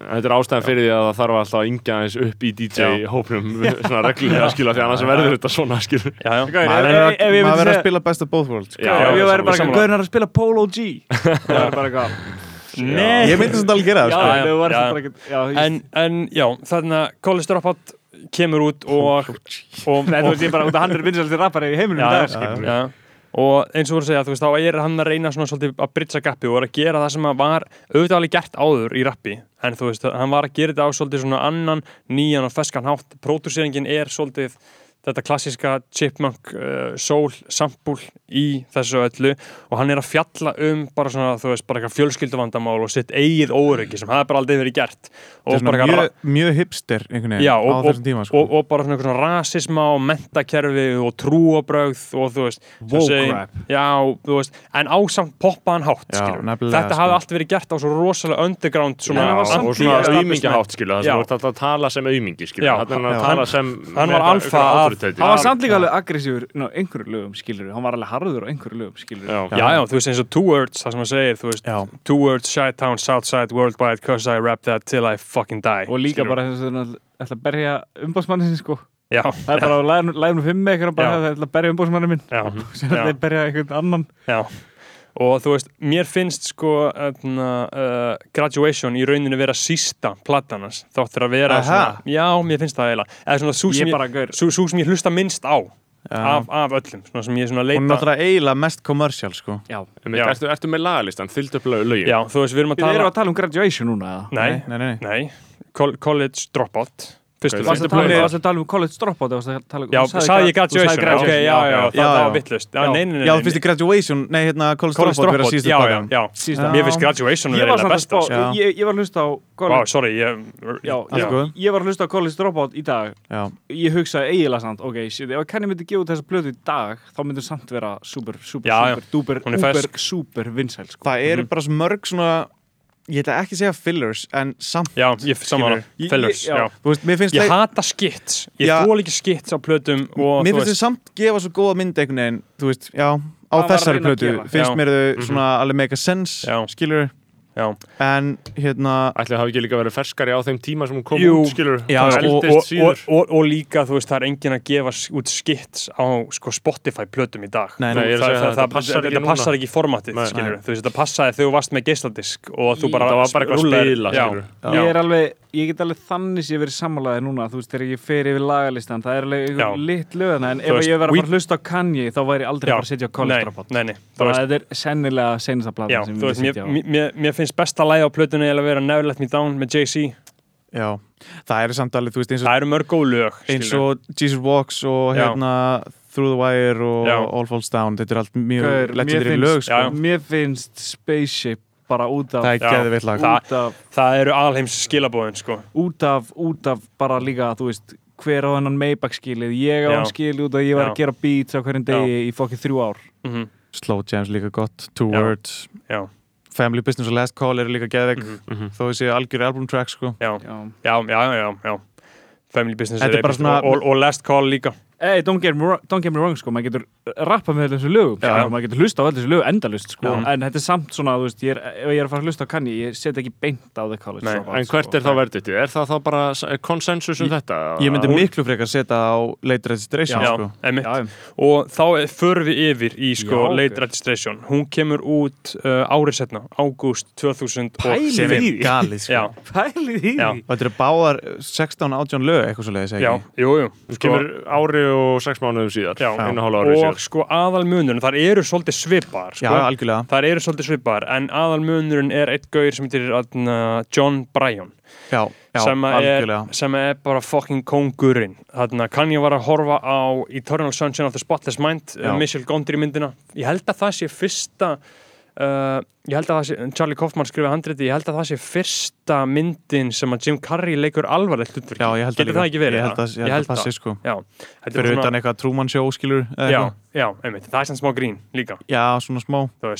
En þetta er þetta bara er svona allan að fyrsta svona eitthvað indie drullan sko. Já, sem að Jim Carrey verði fucking kongurinn sem hann Já, er í dag, sko, því líkur fucking kongur Já, virkilega kongur og þarna, þarna kann ég er að horfa þessa mynd og finnst soundtrackið svo epíst Mhm. sagði bara soundtrackið sé bara það episkasta sem hann Strings og var ekki fullt eitthvað svona ég man ekki, veit ekki hvernig það er sko. Jú, hann er að útsetja mikið og, og eitthvað bara eitthvað jökk líka. og eitthvað king shit sko. Og hver gerir soundtrackið? John Bryan John. Bryan, þessi gæði sem já, fær já. hann Já. með sér lið þannig að kann ég horfir á þessa mynd sem að í dag sko, sorry, svo inngrip sko, sem að ég held að John Bryan er ég að fara með vittlust mála, hann hafi verið að vinna í Circles með Mac Miller eða? Það getur bara mjög vel verið. John, ég held að Bryan- hann hafi verið Væri aðteglisverð tenging. Já, hann er, já, hann var að gera. Já, já, og auðvitað. hann kláraði hana. Hann klára hana auðvitað, Já. það er einmitt, já, það er Já. rétt, það er rétt. Og það er eiginlega svona besta posthumous plata það ætla að vera fucking svífur af Pop Smoke önnur Pop Smoke plata í júli Nei, ég alveg hvað bara- ætlað er að gera greið mann 16. júli, gæin er já, Vá, Hann það er svo his fucking grave, psycho, sko. sko. gaurinn dó fyrir tveimur árum sko, Það er svo fucking psycho sko. já.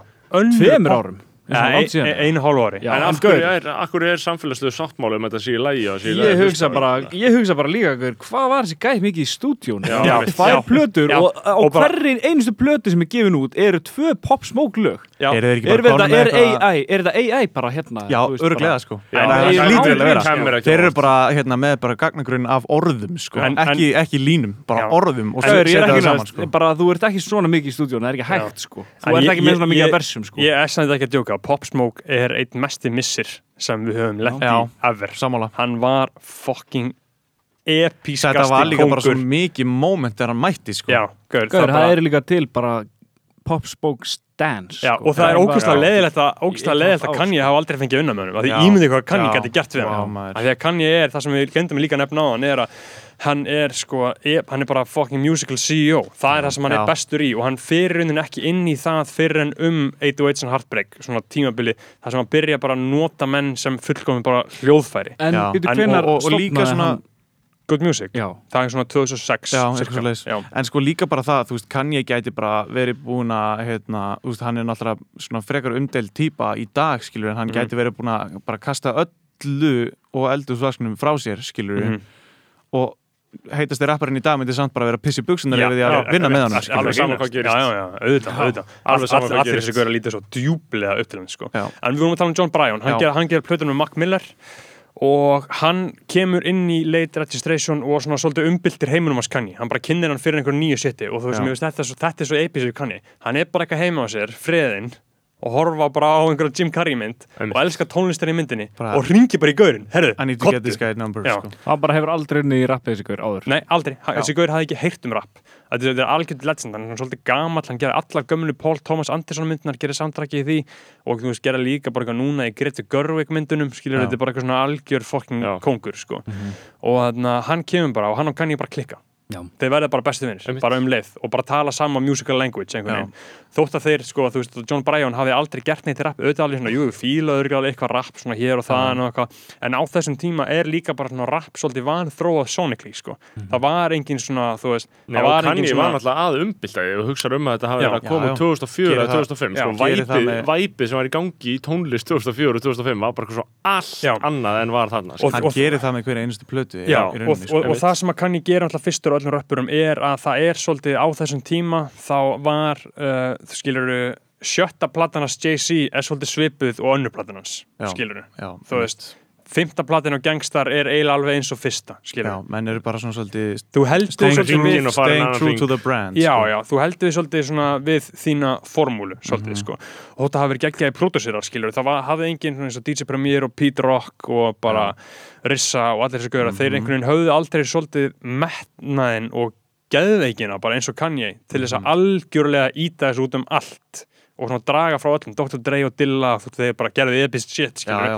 þá höfðu þeir aldrei einhverja svona fucking geðsíkis sko theme park drauma eins og Kanye Já. það sem að hann, og það er það sem að kerði allt shitið hans svo ógeðslega mikið áfram þannig að hann fær John Bryan inn í þetta með sér Mhm. Og Mike Dean, sko, kemur hann inn í þetta á fyrstu plötunni? hann var á fyrstu líka Já, það ekki jú, ég held að Jú, Já. jú, það er rétt, það er Já. rétt, ég, það er rétt. þú veist, Mike Dean er það mikið legend að hann var sko að mixa og gera bara fyrir Ghetto Boys Já, já. bara í early Já, já. 90s bara hann var við Rappalot Records, J. Já. Prince Já, og bara, þú veist, hann er búin að vera í leiknum lengi, sko já, mjög, góð, mjög gott plagga teima, sko, sem að er, hérna, hann, Mike Dean og Kanye saman í stúdíónu, þú Mhm. veist, og Mike Dean með eitthvað ógeðslegt tagl já, og Kanye í, hérna, bara fytti sem hann getur okkar í dag já, sko. hann, hann er bara í, bara einhverjum síðum blue jeans, hvítum ból Mhm. með pager, Já. skilur, já, og epist það er bara einhver, samloka sem í hlæðslu já, nákvæmlega. já.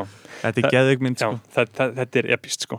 Þannig að þú veist, þeir gera þessa plötu í En- rauninni en- og Jay-Z kemur úr retirement. Þarna er Jay-Z, þarna árið 2003 þá, við að skautum svolítið yfir það. Þá erum við ekki tíma til að fara í öll features Nei, nei, og allt nei. production, það myndi vera, vera hérna í tíu tíma. En þú veist, Jay-Z gefur út Black Album og segir bara ég hættur að rappa veist, 2003 og það, það var bara þannig að leikþáttur. Já, þú gerir þetta allir Justin Bieber hætti bara Já. hvað, 2014 Já, skepta segist var hættur að rappa Já, núna, hann er skilurðu. bara- bara mesta rugg sem ég Það- það Hann er- er, hann er að gefa út Ég veit sko. það, ég veit það, hann er að gefa þetta þetta er bara gera menn þetta? uh, bara eitthvað byggja hæp Þetta er svo Brynja þegar við hættir að nei, ég ætla að halda áfram. Ég held að það sé smá sem bara svona sjálfsmyndakrísa sko. Ég held að þetta sé bara eitthvað panik og þú heldur það kannski alveg alveg sjálfur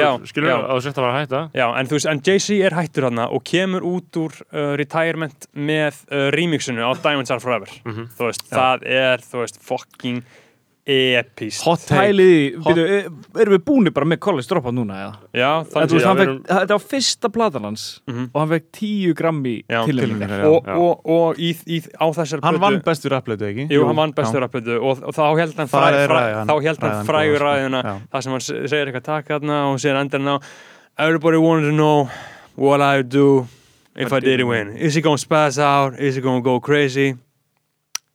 I guess we'll never know Þetta er orðið eitthvað rosa TikTok í dag Já. Er verið að TikToka Já, þetta? nei, sko, TikTok bara, sko, annarkvært, þú veist, TikTok-lag er náttúrulega bara eitthvað kanni Já. Hann er svo influential Já. alls Ég tók, sko, ég tók þetta hérna þegar ég vann demo í Ég man Vestló, þá tók ég þetta já, sko. já, ég man eftir, því. ég, ég lent í öðru sæti á þessu demo. Já, þú og þetta er spesa Já. þú er kenna Ég sér var alltaf svo geggjað að ég höfði Lux lendum í öðru setið demo og fullt Þetta voru skilur 16 keppendur eða eitthvað. Og allt bara eitthvað svona alvöru, tónlistafólk. Og ég höfði Lux komin að lendum í öðru setið Voruð þið með eitthvað YouTube-beat eða? Uh, nei, Aron Rapp gerði bít Já, að það? Já, Ok, Aron, Aron Rapp sem, sem, sem að pródusera síðan fyrir Aron Kahn hann gerði bítið fyrir okkur. Syndu í menn segja frá hér lagið og það var svo gott að, Akkurat. að svífira alvöru tónlistafólk fólk með eitthvað synþa og eitthvað Já. gítar og eitthvað uh, en já, þarna uh, en, en já, við erum svolítið bara er bara Já. búinn var- já, við erum að fara í late registration þarna, en e, ok, annað, en finnst ykkur late registration finnst ykkur hún vera super frábröðin í, í útsetningu á próduseringu og sko, hún, Eh, hún nei, er meira hún er bara- live hún er- instrumentation sko. hún er bara meiri á styrum Þetta er bara, bara meiri já, pening þetta er meira bara Já. svona að taka Já. soul-sömplin og kannski gera þau svolítið Mhm. eh, svona leita í það og gera það frá grunni sjálfur Já. frekar en að hérna, vera Það er- bara straight up að sampla Já. það er ekki hægt að segja að hann hafa eitthvað breytt eitthvað rosalega miklu Nei, Nei, en það kom bara meira af strengjum En það er rosalega, er ekki rosalega mikill munur á reachinu á því hvert öll lögin fara og hversu mainstream þetta verður, jú, sko og, og, er þetta ekki bara miklu, miklu stærri plata? jú, hún, hún er í rauninni tölvægt starrið, þú veist, hann er með Gold Digger sem er náttúrulega bara fucking huge. Touch the Sky.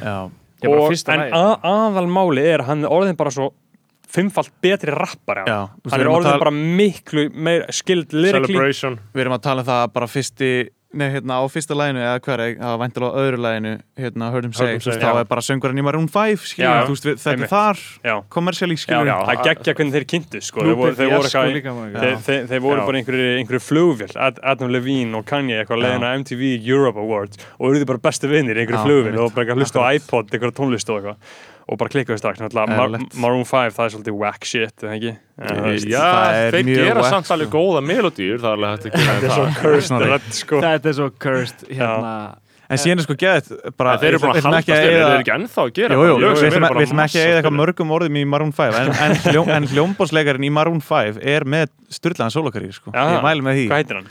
PG Morton heitir hann Já, já, já, Ég- ég sé ég já. því, Já, sko. ok, ég vissi ekki er hann verið í Maroon 5 einmitt. hann er í Maroon 5 Já. en, En sko, late, late registration, þetta er bara þróara er Já. hann hann er orðin betri producer, hann er orðin betri rappari hann er svona aðeins, hann er ennþá alveg að klikka hann er ennþá Já, að já. segja ég er Michael Jackson þetta er bara einu ári setna sko já, já. það er bara, gaur, þú veist En, en þarna er hann loksins búin að meika þannig að þú veist, Já. þú færið alveg að heyra það í tónlistinni að það er enn meiri hróki byttu fyrir þér sko. það, það einhvern veginn er er veist, það, það er meiri, það er meira vald í þessari plötu, sko. Hitt er Já. meira ennþá svona og, underdog. og þarna er hann ennþá sko, náttúrulega í Registration og Dropout er hann að pródusera allt sjálfur þarna Allt. er hann ekki komin í það, jú hann fær John Bryan með sér já, í er, algjörlega en, En hann er yfir pródúserinn. alltaf sjálfur sem hann síðan gerir alls ekki setna í ferlinu sínu Nei. sko. þannig að þú veist, þarna er hann ég Þú veist, það er algjörlega já. lag, það er bara ennþá spilað Það- og það, er ennþá, það verður alltaf klikka já, þetta er bara legendary Skilurðu? einmitt. já, Allir halda þetta sé að gerast. She take more money eins og einhver kona gerir það í dag. Já. Það eru að Nei, nei, en það eru skits líka frá Jamie Foxx að þessar blödu líka það ekki? Jú, það eru nokkur þarna og þarna sagt, Kanye er bara í bíó fær bara á Ray, Ray Charles biopicið sem að Jamie Foxx er að leika. Já, hann er bara í bíó og þetta gerir svolítið svipum á John Bryan. Hann fer bara í bíó, hann fer í bíó með John Mayer sko. þeir eru vinir Já, hann og farið bara í bíó saman. Þeir gerðu geðveikt lagi by the way sem var ekki, end, var á deluxe útgáðan af þessar blödu hvað heitir aftur? það heitir, mannst eftir mannst eftir þessu lagi ég veit hvað lag Nei, tala um, en sko, ég man ekki hvað heitir. Bittersweet Symphony heitir já, það. já, já, já. það er gott lag. Það er til episkur skets sko með þeim tveim saman. Já, einmitt, ég sá Já, hann um og það daginn. fyndið. Já. En þarna uh, hann fer í bíó. Já, þe- þeir eru í bíó og bara finnst Jamie Foxx svo illaður þannig að bara leða hann er búin í bíó bara hringir hann í hann. Hey I want you to sing on my album. Já, og þetta er náttúrulega Ray Charles sample í Já, þetta er Ray Charles sample og Jamie Foxx er að leika Ray Charles þannig að hann Já. syngu það í rauninni bara Interpolation eins og þetta er. En hann var Þann- svo búinn þannig að gera slow jams með Jamie Foxx og þannig byrja hann söng fyrir hann Jamie Foxx Jamie Foxx hafði ekki sungið fyrir áður hann gerði slow jams. Þannig var hann bara leikari og hann söng náttúrulega í myndinni eða ekki Jú, en, en, en sko slow jams var fyrir myndina. Já, Slow Jones var fyrir myndina, já, já, var fyrir Ég ætla að vera að tala um myndina, já. hérna Golddigger, já, og sem Jamie Foxx er bara fucking kongur alveg hann er leika Tyson núna að við séum Hann að er að eðla góður að syngja samt, sko. Já, hann er Gaur. Fall for your type með Það Drake, er eitthvað besta lag sem hefur er gert, sko. episkasta og síðan er hann bara eitthvað feature á Pop Smoke plöðinni skilur það bara Í alvörinni? Já, she says she feeling nice. Bara eitthvað syngu það, þú veist það Já, er byrju, gömlu. Já, gömlu, Já, ekki nýju. En þarna, Ég held að það var komið tracklist fyrir hana. Já, nei, nei. En þetta hverju er að séu leit- þar? Bara eitthvað Lil Peep og einhverjir fleiri Juice WRLD röglega líka. Lil Peep bara og, og, og og X bara, Já, bara já, eitthvað Mac Miller Afturgöngur bara.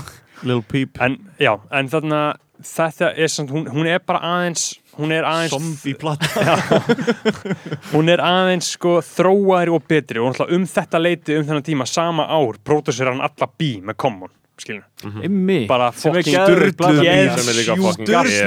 mestaraverk þeirri plötu. í heiminum Já. og hann pródusir öll, mér, veist þetta langt besta platan sem Common hefur gert Já, skilur já, já. og eiginlega bara einn besta rapplata allir tíma sko. Og verður sjálf, heitir það ekki Já. Jú, það er til fyrsta. The Dreamer the Believer er svona mín common plata sko. já, Dream of the Believer er fín en hún er er ekkert ég sko. Og kann ég gera þarna búm, búm, búm já, kann ég gera það sko. bí og Go með John Mayer einmitt líka. Já, og hann, hann gerir þetta þú veist á sér plötu þessi nýju lög, sjö af Kanye og tvö J Dilla skilur Common hefði aldrei átt að fara í leik fyrir hann er versti Ömurleg hlut Og ef hann er í myndinni þá er myndi bara ömurleg. Díamynd já, já, Síðan er líka John Wick 2 Já. En Common bara Ef þú ert að hlusta bara hættu Já. Hættu Það er svo já. ógeðslega hey come on, if, if you're listening please stop acting Please stop acting Já. Bro, svo- stick to singing bro Það er svo ógeðslega auðvelt að mýma Common sko Já. Bara eins er góður og hann er skilur Já. Hann er svo sköllóttur og svo smúð Já. eitthvað Já. Er Þegar hann mætti þetta í Var ekki All-Star-leikin NBA Manstu ekki eftir því að Það var eitthvað svona með eitthvað svaka spoken word kynningar á öllum leikmönnunum Það var svona Það var eitthvað svona, ég- var fyrst bara eitthvað svona Hann Eitthvað, damn, þetta er illa. Og svo var ég eitthvað, nei, þetta er illa. Stundum fær maður svona smá Common kjánarhótt bara pass, já, pass. En þarna En við mjög góður því sem hann gerir. Já, við erum, við erum, við, við erum að klára við við late registration og þennan þátt. Uh, það sem er aðtiklisverða sér plötuna er fyrsta lagi er Jay-Z comeback af því að þú veist það er svolítið erfitt fyrir okkur að skilja tíðavandar hann að hérna var Jay-Z hættur að rappa í tvö ár. Ég, ég ætla að koma með hot take Já, Mér finnst upprunlega sagt ekki Jay-Z útgáfan af Diamonds hérna, from Sierra? Leone er mér með au, auka. Já, Ég er eiginlega- er sammála. Ég er mjög ósamála sko, af því að þú veist það er svona Býtu, í hvoru læginu segir hann eh, með hérna eh, Saint Laurent glasses Tala um það? Nei, ég er að tala um hérna feitu, hún kalla hann á bíl Já, það er í báðum útgáfanum ekki? Já, ok, já Nei, Já. Það Hvað er er er sko. að tala um? her fat friend, her nickname is Minivan Já, Já, um ég held að það sé ekki á Diamonds, ég held að sé um okkur öðru sko. Good morning, this is Vietnam calling Það er Já. remixið ekki This ain't það. Vietnam still Já. Já, það er svo gott sko, good morning, this ain't Vietnam still, people Já. lose eh, legs, arms for real Já. Þessu Viet, Vietnam eitthvað ræðilegt Gaur, eitthvað diamond Er hann ekki að tala um bara Vietnam stríðið? Jú, jú, jú. Það er svo Byrnir að segja þarna, læti eins og sé allt í lægi í Norður Kóri, það er góð lína, sko.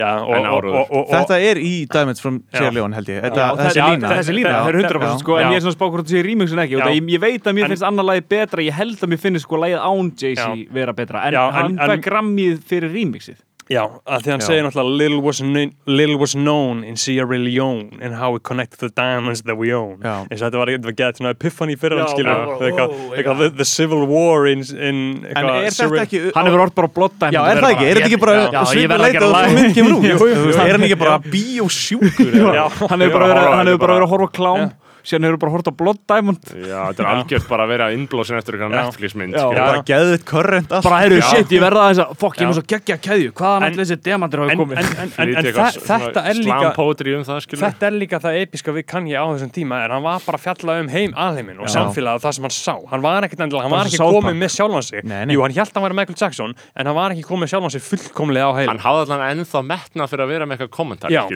og- að og fjalla líka- um að að þetta er líka góð punktur af því að þú myndist á slam poetry ná, sko. Hann var bara að mæta Já. eitthvað spoken word Honum fannst, sko. fannst textandi sínir ekki alveg nógu góðir þannig að hann Já. fór og vildi prófa á live Já. í slam poetry Það- og fór dæmis- slammaði textana sín Já. Til að dæmis hann er að All Falls Down Já, það er self-conscious til- er Já, þessu, Def sko. Jam Poetry af því sko en þarna þessi plata er sérslega út, út, poetry, út, Já, versta koncept að, við ætlum að kíkja á eitt ljóða Nei, ég, ég væri til Ég meira er- svona menningu Ég sko. er alveg veiku fyrir þessu líka en þetta er svona eitthvað þetta er eins og, þetta er eins og, þú veist, þetta er eins og að bara, þetta er, þetta er, það er eitthvað ljótt, það er eitthvað vond við Þetta er bara að fíla common þetta.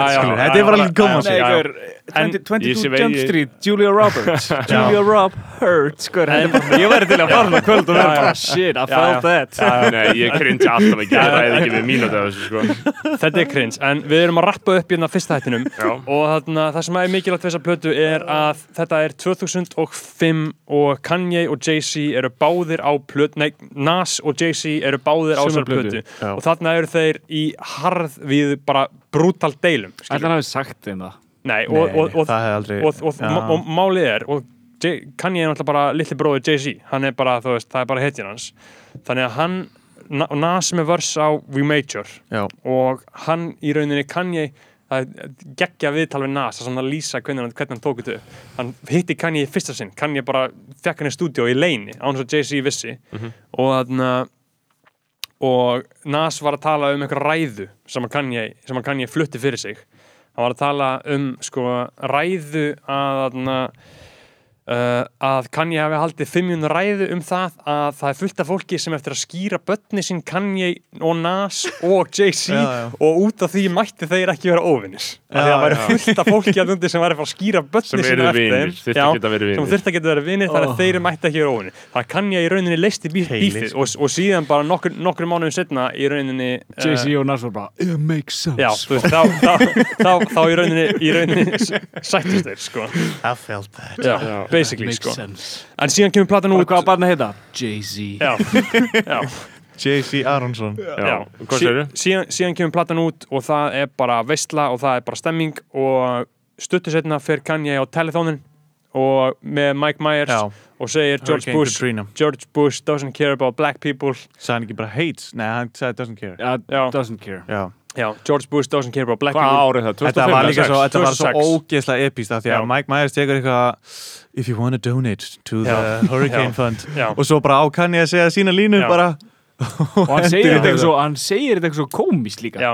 George Bush doesn't care about black people hann stendur hann í algjörlega impulsar það, skirtu fer bara Já. off script hann stendur hann í Já. skirtu og eitthvað svona tartan vesti Já. eitthvað Já Bara kann ég lúkið Já, bara, bara- og, og, og, og þetta verður náttúrulega bara major áfall í lífa hans af því hann er svo ridicúlar og svo svívirtur og.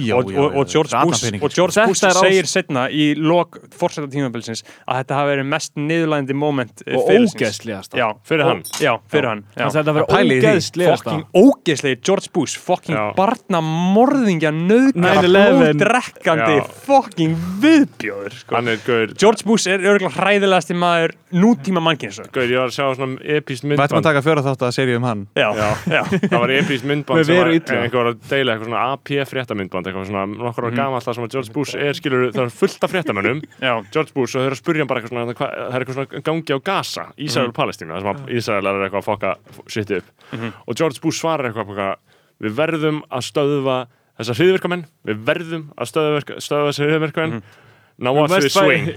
Og tekur golf swing. Já. og bara fullt af þetta. We og hann must er fight the golfvelli. war Já. on terror. Já. Já. Now what's this drive? já. Já, og now watch this drive. Fucking og bara ógeð. dræfar og fyrir sér upp eitt golfbíl. Þetta er mest ósympatíska dæmi. Og ég trú ekki að fólk hafi sætt sér við já, já, hann var bara fucking buffoon sko. En kann ég segja þetta uh, live television og, þetta er náttúrulega algjörlega rústar lífans að hann er bara svífurtur af Wire America eftir þetta. Og, og, Þetta og, og setna mér náttúrulega þarna byrjar hann svolítið, hann er búin að vera áður þarna embrace hann eins og hann segir á graduation I'm on TV talking like it's just you and me Þarna var hann svolítið sko að byrja að vera smá villin eins og fyrirlin hans er svolítið Já. og þetta er líka Já. ástæðan fyrir að fullt af fólki gjörsanlega bara Já. annarkvort skilur hann ekki eða fílar hann ekki út af því að þarna var bara media bara eitthvað brjálaður svartur rappari Já. segir að Já. George Bush hati En ég hérna, meina, og ef maður, ef maður reynir að leggja niður fyrir sér af hverju til dæmis þú fær svona viðbröð við þessari tillögum stittuna, þá er ekkit úr vegi bara að hugsa sér að áróðurinn í bara öllum vestrænum fjölmiðlum Já. skili sér Já. bara einfallega til fólksins. Já, já. Á endanum, hægt og rólega, þá sitrar þetta inn, þú sérð bara eitthvað neikvætt og svona eitthvað, mm veist, að því að, Já. að ridikulisera einhvern er að draga alltaf upp heimskulega mynd á honum, Já, skilur, þú veist, þannig að alltaf það Kanye West þá er hann að segja eitthvað sem er út í hött. Já. en, en Og það það, gera þetta dót Nei, Nei, var hann ekki bara í beinni útsendingu bara Jú, og Jú, bara, bara, þú veist, bara það var ekki eins og hægt að kötta Nei, á þetta einmitt. sko. Nei, nei, og þetta verður alltaf bara fucking huge áfall í lífan sem hann rappar um endalaust og þú veist, Það var rappar um þetta í Power, eða ekki? Jú rappar um þetta í Power og New Day sem er lag sem hann og Jay-Z gera What's the Já. Throne sem er Sem rappar er sko, best- til, eitt til besta ó- lag. ó- ófætt svona sín sko, hann segir never let him hit the, hit the telethon Já. skilur, það, það er bara stórt áfall hann er bara ridikjúlaður í, í þessu skilur Þannig, Sko- en, en síðan sætti hann sig alltaf við þetta. Uh, en við förum betur yfir uh, í uh, svona eg, meira egotistical útgáfuna af Kanye, það sem að College Dropout og Late Registration eiga mjög sammeilagt er að það eru sóli pródúseraði af Kanye, hann er svona svolítið orðin hjútsrappar en hann er ekki orðin svolítið svona overhetjan og bara brjálæðingurinn sem hann er núna Já, þetta er svona bestun líka á hérna, þessu sól Já, uh, genre svona, þetta, þetta, þetta, þetta sound píkar og hann svona svolítið að- Fattar það bara Já, hann, hann fattar alveg og hann fjallar, honum er amt um samfélagi sem hann býr í, hann Já. er að reyna að breyta Já. Veist, hann er að fjalla um mál sem hann brennur um hjarta, hann er að reyna að breyta hlutum og reyna að keira hlutin í gang sem að svolítið breytist, þannig að þið kæri hlustendur getur tjekka á næsta þætti inn á Patreon, þar förum við yfir næstu Og erum við bara stig. að loka hnykkinu á þetta, erum við bara búnir? Bara eitt í lokin. Eitt í lokin, já, hérna uh, Freshman að Adjustment annan þátt? Já, Innan það, já, ok, þá, ok Erum við ekki að íta stopp núna? Jú. Já, ég ætla að fá að segja eitt í þúbútt samt Já. um þetta skeið að fólk má endilega fara og tjekka á Freshman Adjustment 1 og 2 já, þú elskar það ég, sko, það er eitt lag þar sem Mhm. heitir Apologize sem að ég er bara eitt uppáhalds kann í lagi mitt Er það sem að Tyler samplar? það er nefnilega beat sem að varð einhvern veginn afgangs Mhm. uh, sem að hann notar í þetta lag Apologize uh, síðan notar hann þetta beat eða allavega þetta sampul og einhvern veginn svona vísi að þessu beati í Mhm. lagið Knock Knock sem hann pródusera fyrir Monica. Já. og það er síðan samplað í Potato Salad. Já, Tyler og Tyler, Rocky já. já, einmitt. Epic, uh, farin á Patreon fyrir næsta þetta þessi er aðgengilegur öllum en tjekkið inn á Patreon fyrir 2045 Framhaldið Framhaldið.